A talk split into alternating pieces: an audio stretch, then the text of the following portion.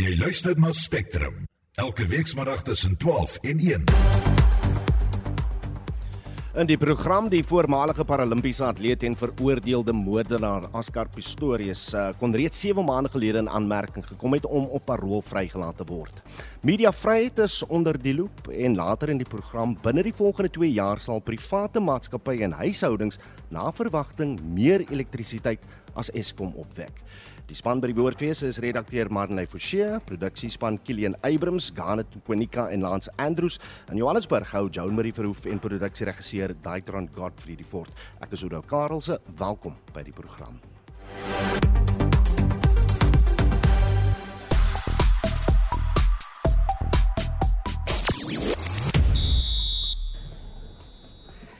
Die Cricket Wêreldbeker is in die kollig met twee Wêreldbeker wedstryde en die Proteas dames wat uiteindelik 'n uitslag soek teen Nieu-Seeland nadat twee wedstryde reeds uitgeren het.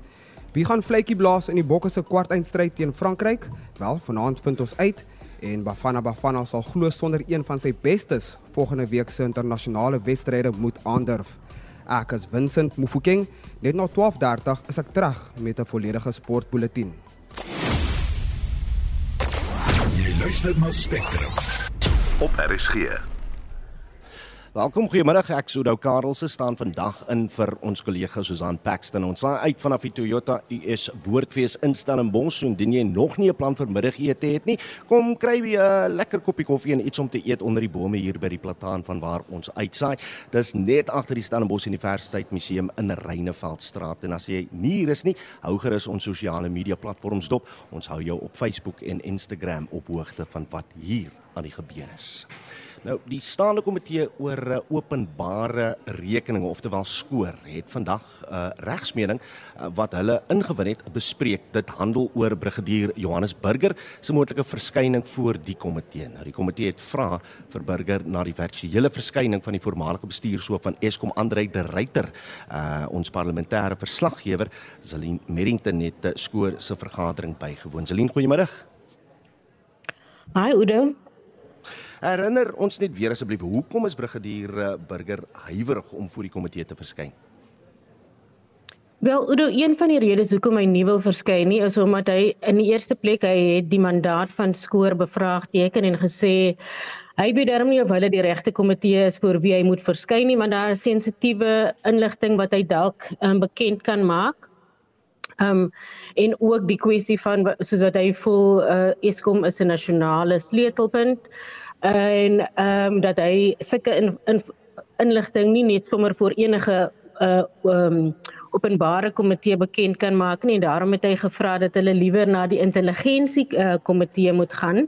En daai uh, komitee vergaderings is mos geslote vir die publiek en die media Oudo. En hy het ook gesê dat hy ehm um, hy vrees vir sy persoonlike ehm um, veiligheid en dis hoekom hy en hy, hierdie uh, kommunikasie het hy alles direk aan die speaker gestuur en dit nie so met die komitee bespreek nie.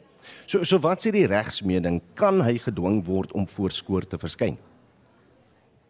Hulle hulle kan Oudo hulle kon eintlik vir my ook daai vrae gevra het want sover as wat ek weet moet almal wat um, as die komitee jou vereis 'n komitee van die parlement as hulle jou vra om te verskyn, dan moet jy verskyn en selfs al al weier jy nou soos wat hierdie brigadier burger gedoen het, kan hulle jou eintlik dagvaar om dit te doen en dit is nou die lank en kort van daai antwoord. Hy moet voor die komitee verskyn.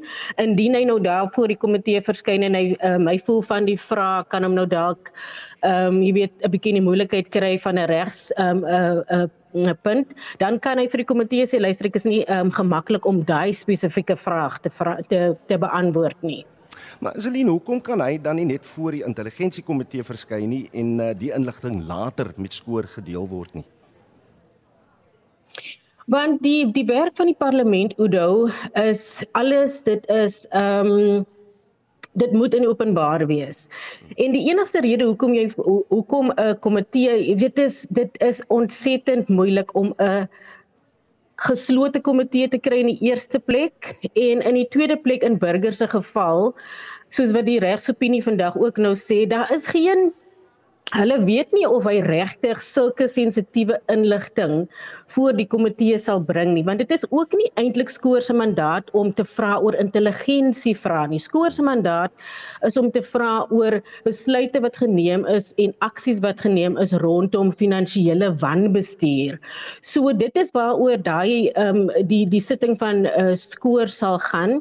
So dit is die die die regs uh, opinie sê ook dat ons weet nie watse tipe vrae die komitee sal vra nie en ook dan hoe watter antwoorde daar uit sal kom nie. Maar dit is dit is die werk van ons demokratiese parlement om um open and transparent te wees as ek nou daai woorde mag gebruik. Dit is baie belangrik vir al ons komitees om oop te wees vir die publiek en om oop te wees vir die media. En dan net laastens, wat was die komiteelede se reaksie op die regsmening? Hulle het almal ehm um, gesê Oudo dat ehm um, hulle of net die EFF het gesê dat ehm um, die komitee moet uit die staatspoor sommer 'n uh, ehm um, 'n dagvaarding stuur. Want brigadier Burger is al twee keer genooi maar die regsmening het gesê nooi hom 'n derde keer en as hy dan nog steeds weier dan stuur ons hom maar 'n dagvaarding. Maar almal was dit eens dat uh, brigadier Burger moet voorskoor kom verskyn en vra kom beantwoord. 'n uh, LP van die DA um um ar van uh, Benedicta van Minnen het ook gesê hulle is mos ehm um, ervare mense wat in skoor sit so hulle weet presies wat om te vra. So daar is bitter minne kans dat hulle vra sal vra aan brigadier burger wat hy nie kan antwoord uit 'n regspunt of 'n sekuriteitspunt of jy weet so meer. Maar aan die einde van die dag het die komitee nou besluit, okay, ons gaan vir jou weer nooi en ons gee jou 7 dae om uh, daarop op op ons uitnodiging te reageer en indien jy dit nie doen nie, dan is dit 'n dagvaarding. Dit was ons parlementêre verslaggewer Zelin Merrington. Nou die voormalige paralimpiese atleet en veroordeelde moordenaar Aske Pistorius kon reeds 7 maande gelede in aanmerking gekom het om om, om parol vrygelaat te word. Pistorius dien tans 'n 13 jaar en 5 maande tronkstraf uit nadat hy sy vriendin Riva Steenkamp in 2013 in sy huis in Pretoria doodgeskiet het. Pistorius het in Maart aansoek gedoen om parol, maar dit is van die hand gewys nadat die Appelhof wat sy finale vonnis opgelê het aangedui het hy sal eers in Augustus om parol kan aansoek doen. Estie de Klerk sluit nou by ons aan oor die storie. Estie, die konstitusionele hof het gister Pastorius se aansoek toegestaan om 'n aansoek om parol te bring. Ja, Oudo Pastorius kan nou direk by die konstitusionele hof aansoek doen waarin hy in terme waarvan hy vir 'n verklarende bevel vra dat die hof 'n bevel maak dat hy alreeds op 21 Maart hierdie jaar in aanmerking gekom het vir parol. Nou Oudo, dit beteken egter nie dat die konstitusionele hof reeds hierdie aansoek aangehoor het nie of dat die konstitusionele hof reeds 'n bevel in hierdie verband gemaak het nie. Al wat die hof dus gister gedoen het, was om Pistorius se aansoek tot direkte toegang tot die konstitusionele hof toe te staan. Die strafregkenner advokaat François Botha verduidelik hoekom Pistorius hom na die konstitusionele hof gewend het op sy interpretasie van die bevel wat die Hoogste Hof van Appel gemaak het, is dat hy reeds op 21 Maart hierdie jaar in aanmerking gekom het vir parol. Die departement van korrektiewe dienste het natuurlik 'n heeltemal 'n ander interpretasie van daardie bevel gehad. Volgens die departement van korrektiewe dienste se berekening van die tydperke betrokke het Oscar Pistorius nog nie in aanmerking gekom vir parol nie. So is dit wel presies bepaal die konstitusionele hof se beslissing van gister nou. Nou hierdie beslissing is hoofsaaklik tweeledig. Nou eerstens kan die departement van korrektiewe dienste hom berus by die argumente wat deur Pistorius se regspan aangevoer word. En hier moet 'n mens in gedagte hou dat die departement nie Pistorius se aansoek tot die konstitusionele hof teengestaan het nie. Nou Pistorius voer aan dat op 'n behoorlike interpretasie van die uitspraak van die appelhof hy reeds op 21 Maart vanjaar in aanmerking gekom het vir parol. Nou Pistorius kan hom dus nou na die hof wend om aansoek te doen om op parol vrygelaat te word. En advokaat Botha sê egter daar is 'n tydsnadeel hieraan betrokke die konstitusionele hof gaan nie binne 'n kwessie van 'n week of 2 sit om hierdie aansoek te oorweeg en baie belangrik om 'n behoorlike gemotiveerde uitspraak in hierdie verband te gee nie. Die feit dat die konstitusionele hof bereid was om verlof aan Oscar Pistorius te verleen om direk 'n aansoek te bring in terme waarvan hy versekerde regshulp vra beteken glad nie dat hy outomaties in aanmerking kom vir parol nie. Met ander woorde dat hy nou 'n vrypas, 'n kaartjie gekry het om onmiddellik uit die korrektiewe dienste die tronk vrygelaat te word nie. As ek reg verstaan, dan moet nou 'n paroolsitting vir pastories geskeduleer word. Ja, Oudo, dis basies waarop dit neerkom en die paroolraad moet nou soos met enige ander parool aansoek 'n pastories se aansoek om parool oorweeg. En indien die paroolraad dan sou bevind dat pastories nie gereed is om op parool vrygelaat te word nie, kan dit moontlik tot verdere regstappe lei, sê advokaat Botus. Daardie beslissing van die paroolraad is dan vatbaar vir 'n hersieningsaansoek in die Hooggeregshof Op alle waarskynlikhede sal Oscar Pistorius se regspan aanvoer dat die besluit van die paroolraad om nie parool aan hom toe te staan nie is irrasioneel, is nie gebaseer op die feite objektief wat voor die paroolraad gedien het nie. En nog meer belangrik is in stryd met sy grondwetlike regte al bevind die Hooggeregshof dat die paroolraad gefouteer het en dat hulle besluit irrasioneel is, beteken nie noodwendig dat Oscar Pistorius onmiddellik op parool vrygelaat gaan word nie en dit was die strafregkenner advokaat François Botus. En dit was Esther de Klerk met besonderhede oor die beslissing van die konstitusionele hof oor Oscar Oscar Pistorius se se aansoek om op parol vrygelaat te word. Nou die toekoms van medikasie vir miljoene HIV leiers is op die spel nadat die Amerikaanse Kongres nie die presidensiële noodplan of PEPFAR hernie het nie. Dit is 'n hoogs suksesvolle program wat uh, keer dat die siekte verder versprei. Annelien Moses het meer besonderhede. Ja, van die Republikeine weier om langtermyn goedkeuring te verleen aan hulporganisasies wat ten gunste is van aborsies of dit uitvoer. Dit is wat uh, Ariel Del Turco van die Familie Navorsingsraad te sê gehad het. We are fully behind the mission of PEPFAR to save lives. However, we want to make sure that the funds that are being used in our PEPFAR program are not going to organizations that are performing abortions, which we believe are the taking of human life, or are even promoting abortion, especially in some of these countries that have a more conservative culture. Maar nie alle Republikeine stem hieroor saam nie. President George W. Bush, wat PEPFAR meer as 20 jaar gelede goedgekeur het en self nie 'n voorstander van abortus is nie, het sy kommer gedeel. I don't understand why there's any resistance to a program like PEPFAR unless we've lost our compassion. And I don't think we have. I think this country is a compassionate country that cares deeply about people who suffer Die president van World Neighbours het die voorbeeld gebruik van 'n Keniaanse boer, Rispe Ogogo, en hoe medikasie van PEPFAR haar lewe verander het.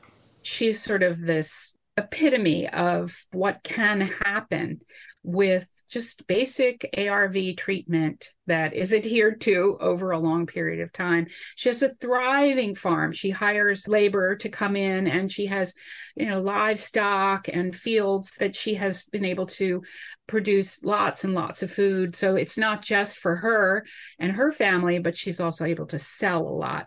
She's just one example of thousands. I've been to many villages where people are open with me that they are all HIV positive, but they're also thrilled by the fact that they have farms and are able to take care of their families and thrive.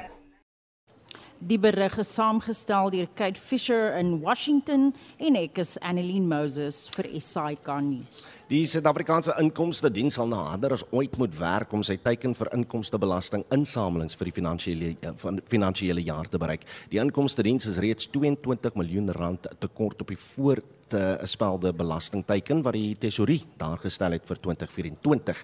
Nou dit veroorsaak dat die inkomste diens nou planne moet uitdink om die teiken te haal. Ons praat nou met AJM Tax se mede-direkteur Leonard Willemse. Leonard, goeiemôre.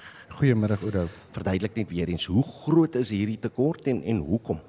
Ja, ek dink voordat ek by die ehm um, tekort self uitkom, miskien net vir die luisteraars verduidelik wat is 'n begrotingstekort. So dis basies die verskil tussen die staat se uitgawes en hulle inkomste. Die uitgawes is natuurlik uitgawes vir ehm um, opvoedkunde, infrastruktuur, publieke lone en so voort, staatsskuld natuurlik, waar die inkomste is natuurlik nou belastings. Ehm um, en daar sit ons natuurlik met persoonlike belasting, maatskappybelasting en BTW wat die wat die grootste ehm um, inkomste items is.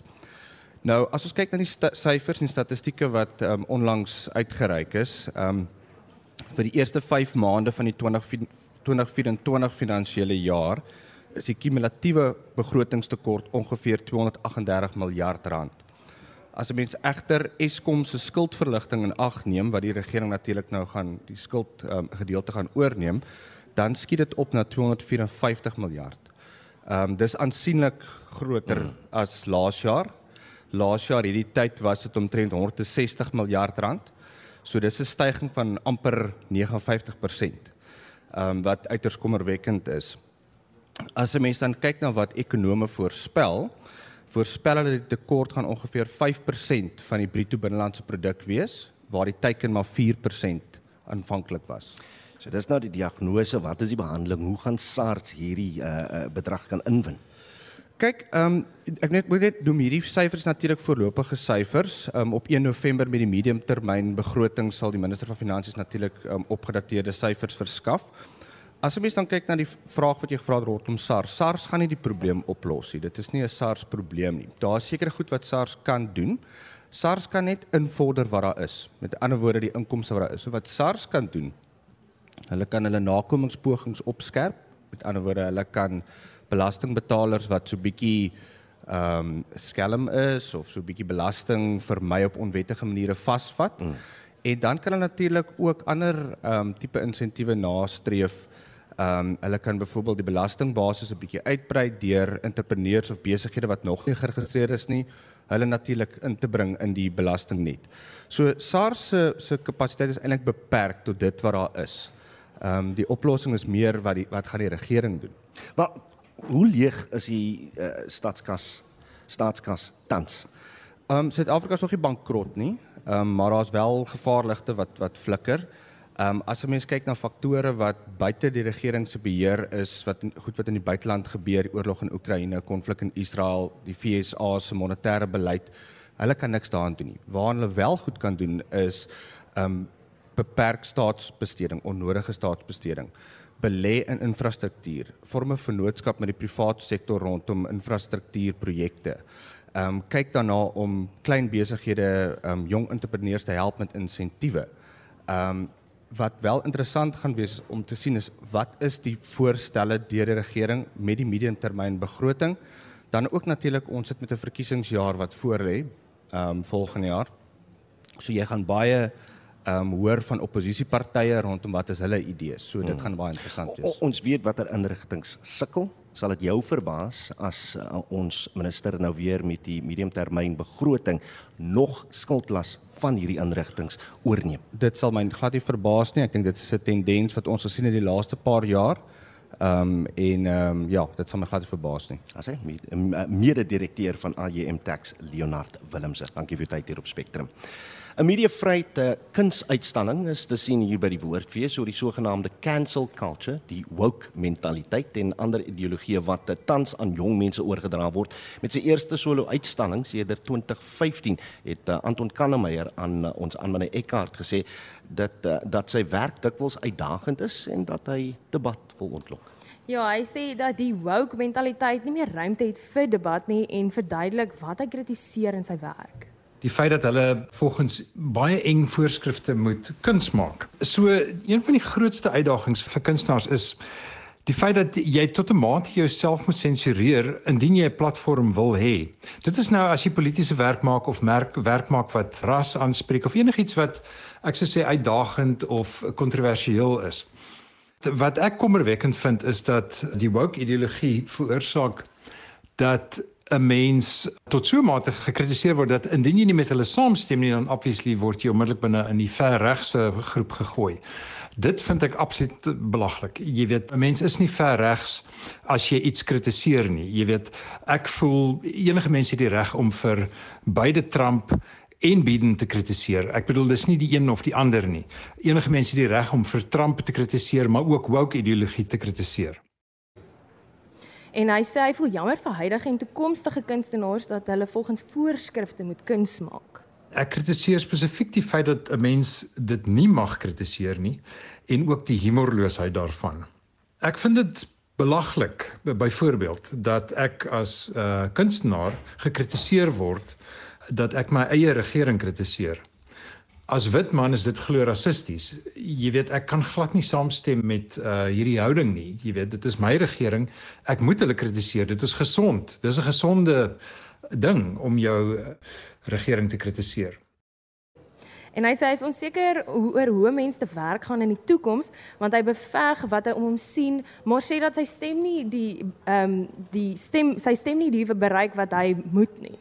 Ek dink baie linksgesindes of lefties voel nou dat ek het al baie gehoor dat daar nie iets is soos cancel culture nie. Jy weet dat dit nie eens bestaan nie. Maar die ding is dit bestaan baie beslis en dit het 'n geweldige impak op iemand soos my se werk en karier. So tot 'n mate voel ek, jy weet, 'n mens moet dit beveg met alles wat jy kan. Jy moet dit beveg so lank soos wat jy kan, maar op die einde van die dag moet ek ook brood op die tafel sit En dus tomate sal ek miskien maar moet opeindig om landskappe en bome te verf. Ek weet nie, dit is miskien my voorland. En dit dan Anton Kahnemeyer oor sy kunsuitstalling. Ag ons bly by die kwessie uh, van mediavryheid en praat met die skrywer en stigter van die uh, Vrye Weekblad Max Dupree Max. Middag. Hallo. Is is daar nog joernaliste daar buite of word almal nou kunstenaars? Eh, ek uh, sien myself as 'n joernalis. Ehm um, Ek dink uh, ons sit ook met die ding van citizen journalists. Hmm. Elke ou wat op op Facebook is, sien homself as 'n joernalis. Nee, daar is ons ons moet die onderskeid maak. Ehm uh, van professionele mense wat volgens volgens 'n kode werk, uh wat opgelei word, uh wat die waarheid dien, uh wat gebalanseerd is. Ehm um, daai mense is die rooi bloedselle in die liggaam in die politieke liggaam van 'n nasie. Hmm. Ons moet sorg dat die dat die brein genoeg suurstof kry. Ons moet die infeksies beveg. Ehm um, en sonder hoofstroom joernaliste uh gaan ons nie veel van 'n demokrasie hê nie. So dis die een kant van die muntstuk. Uh, jy het nou gehoor hoe die kunste beperk word uh, en is ook volgende week uh, swart woensdag wat wat teenwoordigend is van uh, die inperking van mediavryheid. Wat is die stand van mediavryheid in Suid-Afrika tans en hoe strook dit met die res van die wêreld? Ek dink ons is een van die vryste media in die wêreld. Sekerlik die vryste in Afrika. As jy dit beoordeel volgens die grondwet en die wetgewing, dan is ons absoluut vry. Hmm. Absoluut vry. Dit is ons reg tot vryheid is in ons grondwet ingeskryf. Min lande het dit uh, so spesifiek. Die mediavryheid is in die grondwet verskans. Wat is die praktyk? Die praktyk is dit is soms moeilik vir joernaliste om inligting by die staat te kry. Hmm. So dis nie struktureel nie. Dit is uh polities. Maar die groot vraag wat ek wil vra is gebruik ons as joernaliste ek en jy gebruik ons ons vryheid genoeg. Uh die lesing wat ek vanmiddag by Pen Afrikaans gee, fokus op die kwessie van jy moet binne hoër afstand bly van jou lesers. Hmm. En ek sê sekerlik in 'n mate, maar dit is ook 'n doktrine wat tot uh wat nare gevolge kan hê. Die die Volmen Publikasie Raad poog nou om Suid-Afrikaners te dwing om enige video op sosiale media aan hulle voor te lê vir goedkeuring. Wat dink jy van die plan en hoe belangrik is dit? Eh, dis absurd en ek ek dink dis 'n tendensie van ons regering ehm um, as hulle om om hulle onvermoë te verberg om hierdie land behoorlik te bestuur. Maak hulle nuwe wette en nuwe reëls en kyk of hulle 'n ander plek kan kry waar hulle mense kan beheer daar's tans 'n politieke party in Suid-Afrika wat uh, in die hof die reg gekry het om toegang tot sekere inligting te verkry van die regerende party en hoe kaders ontplooi word. Ons sien wat daar gebeur. Dis 'n politieke party wat uh, wat aan die hof gaan betwis het en gewen het. En nou wonder ek jy, jy praat van die toegang wat ons het uh, na inligting in Suid-Afrika as as daar deur 'n politieke party nog steeds die toegang kan kry nie watter kans het ons as joernaliste watter kans het ons as lede van die publiek? Wel daai politieke party het toe toegang gekry die die hof het in hulle guns bevind. Dit gaan nou konstitusionele hof toe. Ek hoop dieselfde die uitspraak gaan daar geld. Ehm um, maar daar is 'n ding wat ons noem die poppy wet mm. P O P I. En jy sal sien van ons ondersoekende joernaliste gebruik dit baie. Nou eintlik behoort daai soort van goed nie gebruik te word nie. Daai inligting behoort beskikbaar te wees. Maar weer eens, ons is 'n konstitusionele staat. Ons is 'n konstitusionele demokrasie. So ons kan ons wend tot goed soos die poppy wetgewing en net doodgewoon hof toe gaan en sê regter, sê vir die vir die staat om vir ons hierdie inligting te gee. En 9 uit 10 gevalle gebeur dit. Wat sê Max du Pre? Baie dankie vir u tyd hier dankie. op Spectrum. Hy is natuurlik die skrywer en stigter van die Vrye Weekblad Max du Pre. Spectrum, jou middagnuusprogram op RSG. Net na 12:30, Oudo Karel se info soos aan Paxton bly ingeskakel want in die volgende halfuur praat ons oor vigilantes, die vooruitskatting dat Suid-Afrikaners in 2025 meer krag as Eskom gaan uh, genereer en die produksie hier by die Woordfees van Hoerken bly ingeskakel.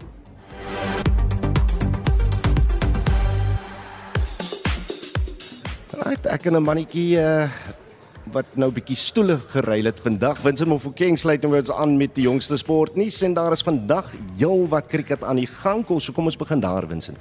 Ja, Oudou twee wêreldbeker wedstryde staan aan die gang. Engeland het vanoggend vroeg begin kolf teen Bangladesh. Nou Johnny Burstow en David Malan was verantwoordelik vir 'n aanvangsboodskap van 115 lopies voor die voorgenoemde vir 52 lopies uit is. Dit is Malan se 6de eendag 100-tal. Nou die jongste telling daar, Engeland kon 364 lopies aanteken met 'n verlies van 9 paaltjies. Ek sien Bangladesh kolf nou en hulle staan tans op 70 lopies en ek dink 4 paaltjies het al daar geval.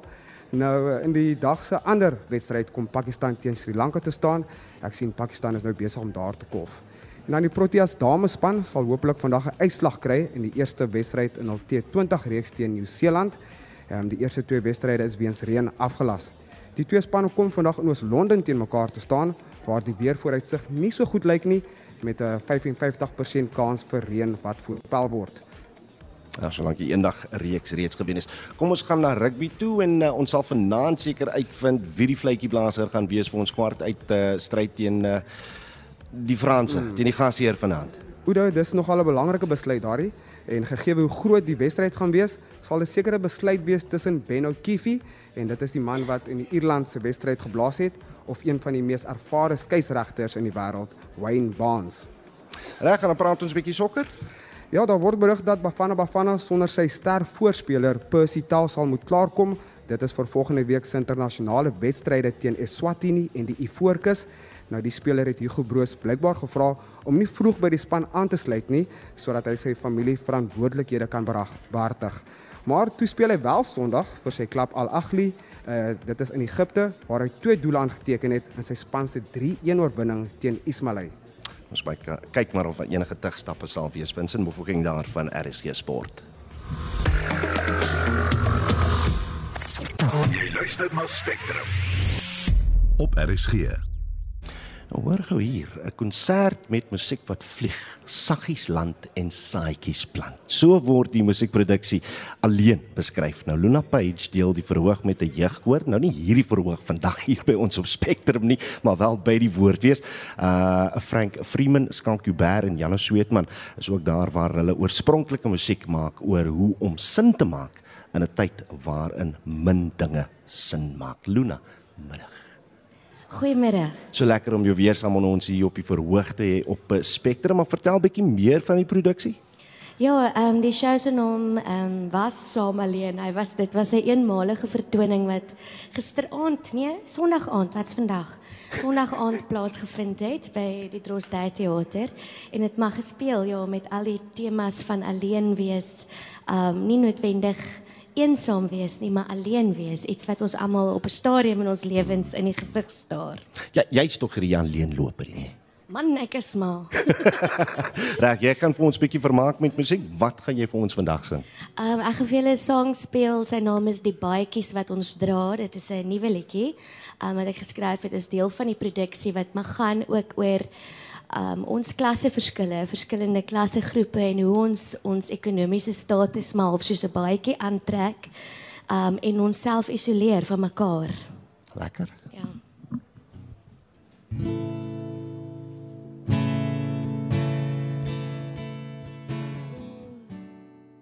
Dis maar die baadjies wat ons dra.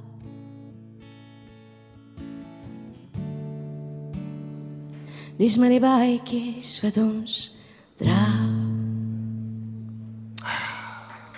Lieflik Luna Page mense. Waardering daar vir pragtige musiek. Hy persoon wat ja in die eerste versie beskryf, ek ken hom goed. Hy het 'n naam, hy gaan vir, vir hierdie gesprek naamloos bly, maar baie dankie, baie dankie Luna Page. Nou, die produksie Hoerkind is 'n ware verhaal oor 'n leeftyd van trauma en beskryf die joernalis Herman Lategan se kinderlewe. Sy memoirs is omskep in 'n drama waar uh, Gion Nel die rol vertolk en ons praat nou met hom oor die produksie. Gion, goeiemôre. Goeiedag, hoe gaan dit hierso? Nee, lekker. Die die lewe van Herman Lategan is nou op die planke. Hoe hoe dit gebeur en en en hoekom? Ja, eintlik ja, um, het, Margit het my nou laas het so vroeër jaar gebel en vir my gevra baie vinnig is sal ek belangstel om die om deel te wees in hierdie produksie. En ek uh, moes basies oornag besluit het of ek dit wil doen en ek het nog nie eens 'n boek gelees nie, maar gelukkig het ek al voorheen saam met haar gewerk en net gesê dadelik ja nee, ek is in. En toe volgende dag die boek gekry, dit gelees en toe besef ek eers waarvoor ek myself inlaat. En en en hoe het die verwagting met die realiteit van wat in die boek is met mekaar gestrook? Dit was 'n hele proses gewees want ons het 'n hele paar um soos wat 'n weergawe van die teks gehad aan die begin hmm. wat Frans wat in Turin verwerk het. En ons het gaan sit en uh, gedeeltes uit die boek wat ons besluit het wat in die eerste persoon moes wees en wat ons wat vertel moet doen. So ons het maar lank gesit en uitgepleis hoe sit ons die belangrikste dele daarin en en alhoewel meeste van die boek belangrike dele is, maar dan soof die die kruks van daai verhaal wat wat wat mens nie kan uitlos nie, het ons nou maar besluit. Ek het nou met die lees van die inleiding gesien hoe bloos party mense hier vir die titel van van hierdie van hierdie uh, uh, opvoering. Hoerkind is is nogal bietjie hy's op die man af. Ja, eintlik dit sê alles van die produksie ook en van die boek ja, ja. om om dit nou sonder om doekies om te draai. So ja, dit is almal weet tog wat wat die, die titel hoerkind behels en ag in die oudheid wat hulle gesê het wat 'n hoerkind is, maar buite mm. egtelike kinders en onder andere, maar net een van die dinge wat ook later maar soort van 'n skelwoord geword het op 'n manier. OK, reg.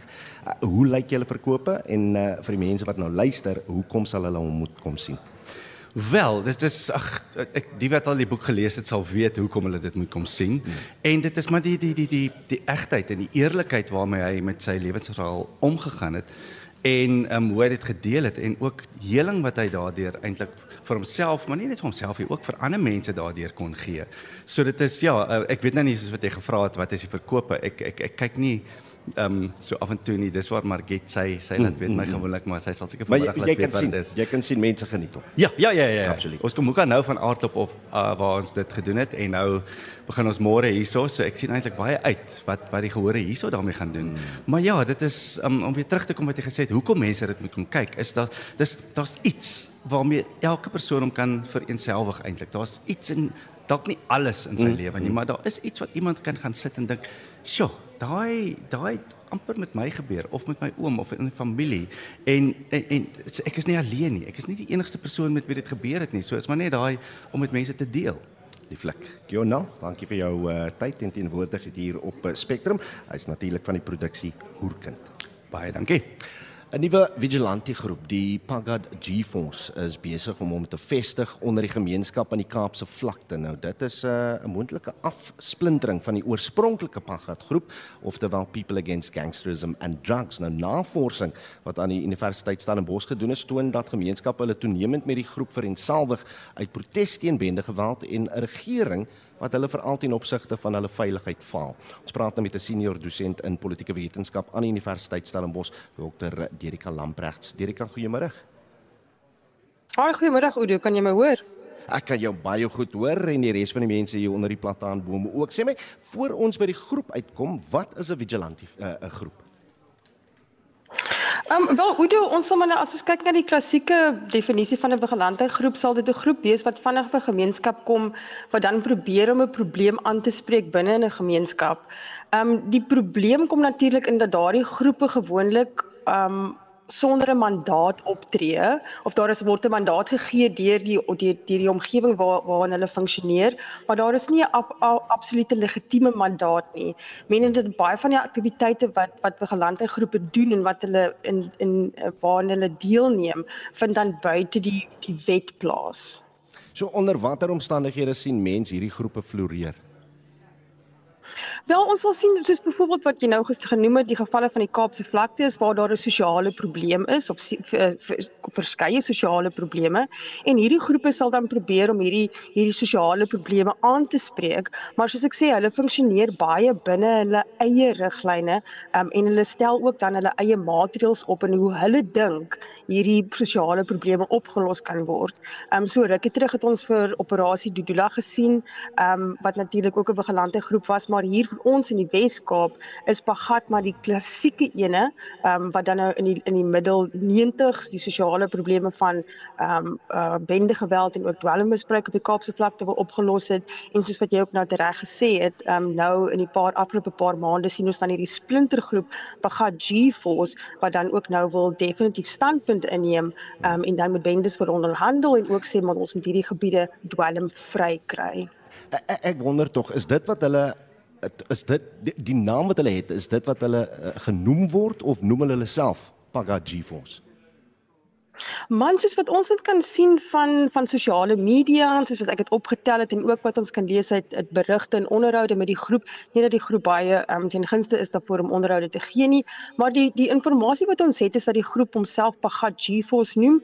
Ehm um, die G kan verwys na Gun, Gun Force, ehm um, maar definitief dat dit ook daar is ook hierdie hierdie spekulasie dat dit kom dat lede van die groep Pagat G-Force kom van die militêre vleuel van die kom ons noem dit maar 1995 96 uh, oorspronklike Pagat groep. Hmm. Ehm um, tog sien ons wel dat daar is nie daar is nie baie ooreenstemming tussen Pagat en Pagat GFOS nie. Die twee groepe stem nie saam in hoe daar ehm um, gehandel gehandel moet word met bendes nie. Pagat natuurlik die 95 96 Pagat ehm um, sê natuurlik hulle onderhandel nie met bendes nie waar Pagat GFOS baie meer hierdie idee het dat hulle moet uitgaan in die gemeenskap hierdie optogte hou en dan gesels met bendelede en so dan probeer om 'n mate van 'n ooreenkoms te behartig regtig. Mm.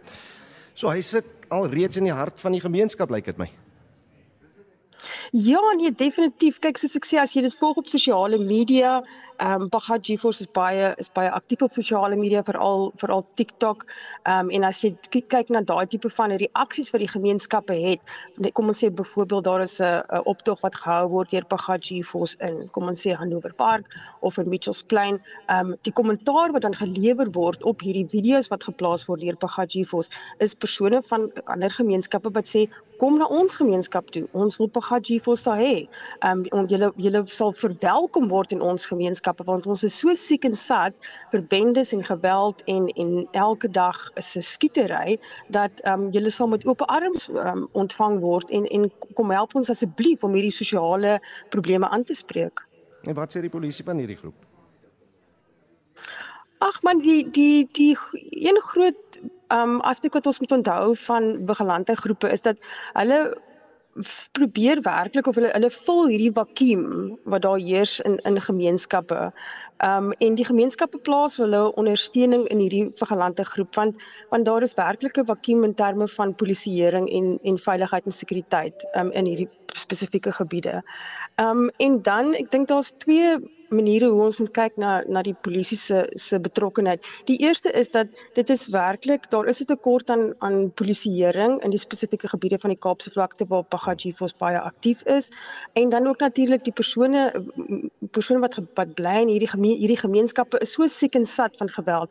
Ons sien weer oor die naweek wat daar 'n reeks van van moorde was op die Kaapse vlakte onder andere 'n dwaalkoel wat 'n 15-jarige meisie in Hanover Park se se lewe geneem het Ehm um, so as jy so siek en sat is en daar's da so soos ek sê hierdie vakuum van van veiligheid en sekuriteit, dan ryk jy half uit na enige iets om hierdie vakuum te vul.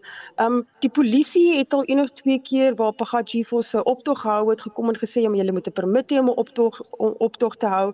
Ehm um, tot op hierdie mate soos wat ek dit kan sien was daar nog nie ehm um, uh onder ons is gewees tussen die polisie en die groep nie, maar daar's definitief nie 'n samewerkende ooreenkoms of enigstens iets nie. Die twee staan direk um in teenstelling met mekaar. Reg, ons praat daar met Derika Lamprechts, dis dokter Derika Lamprechts, 'n senior dosent in politieke wetenskap aan die Universiteit Stellenbosch.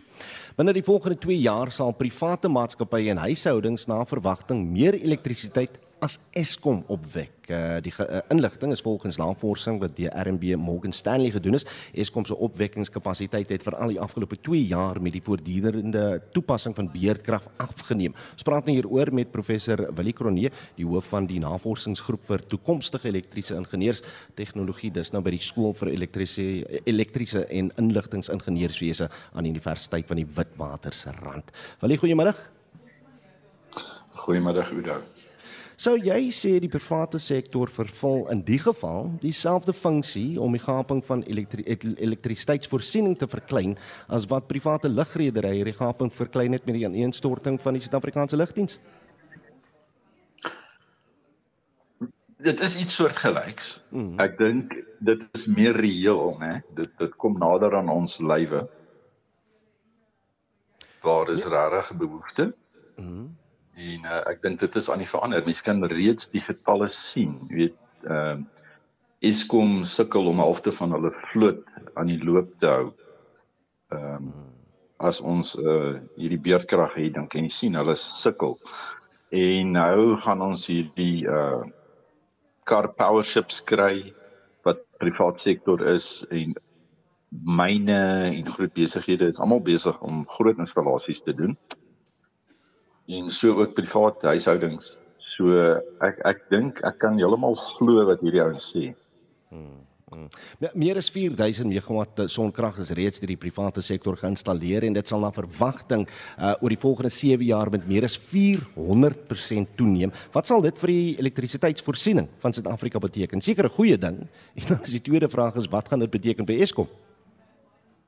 Ja, die die die een ding is uh, dis iets om na uit te sien want hopelik is daar dan genoeg.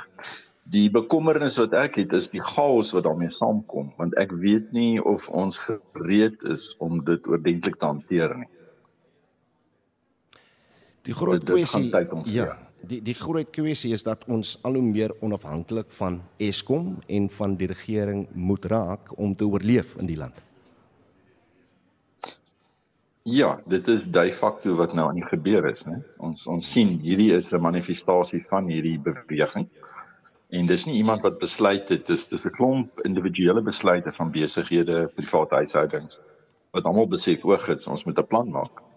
En nou beweeg die hele situasie uh, weg van die ou status quo af. Dis die uh, professor of professor Willie Coroneri hoof van die navorsingsgroep vir toekomstige elektriese ingenieurstegnologie by die skool vir elektriese en inligtingingenieurswese aan die Universiteit van die Witwatersrand. Iets wat ons almal raak. Vanjaar se lewenstevredenheidstudie deur die Buro vir uh, Marknavorsing het vir die eerste keer in 10 jaar, eerste keer in 'n dekade aangetoon dat Suid-Afrikaners hoër vlakke van aanpasbaarheid en hoop ervaar. Hulle ervaar ook dat hulle in staat is om uh, eie geluk te waarborg, waar uh, veral ten opsigte daarvan dat hulle by veranderende omstandighede soos voortsleepende beerdkrag kan aanpas. Ons praat nou hieroor met 'n sielkundige van Stellenbosch en uh, die bestuurende direkteur van die firma JVR Consulting Psychologist, dis uh, Dr. Renata Scherer. Renata, goeiemiddag. Middag, goeie. Kom ons begin eers by watter faktore bepaal mense se lewenstevredenheid? Hoe meet ons dit? Essensie is tevredenheid 'n positiewe ingesteldheid, uh of 'n gesindheid teenoor ehm uh, wanneer ons evalueer. Skryf net 'n bietjie nader aan sy lief. Ja. As hy. Ehm um, soos ek sê, dis 'n positiewe ingesindheid of ingesteldheid, ehm um, gebaseer op evaluasie van die konteks van my lewe. Met ander woorde, is 'n gevoel wat gebaseer is op 'n evaluering van my lewensomstandighede. Hmm. So wanneer ons dink aan dit, is besef ons dis 'n multidimensionele konsep. Dit word gedryf deur dis individueel gedrewe, dit word deur baie faktore gedryf. Um tevredenheid by die werk lyk like anders as tevredenheid by die huis. Ehm um, maar die kern daarvan lê in hoe sien ek my basiese behoeftes en hoe word dit bevredig? Mm. As ek nou net kyk na wat gesê is oor ons tevredenheid met die feit dat ons ons eie krag moet opwek. Is dit 'n 'n vorm van emosionele volwassenheid wat hier deur Suid-Afrikaners getoon word dat hulle weet hulle hulle moet dit maar vir hulle self doen?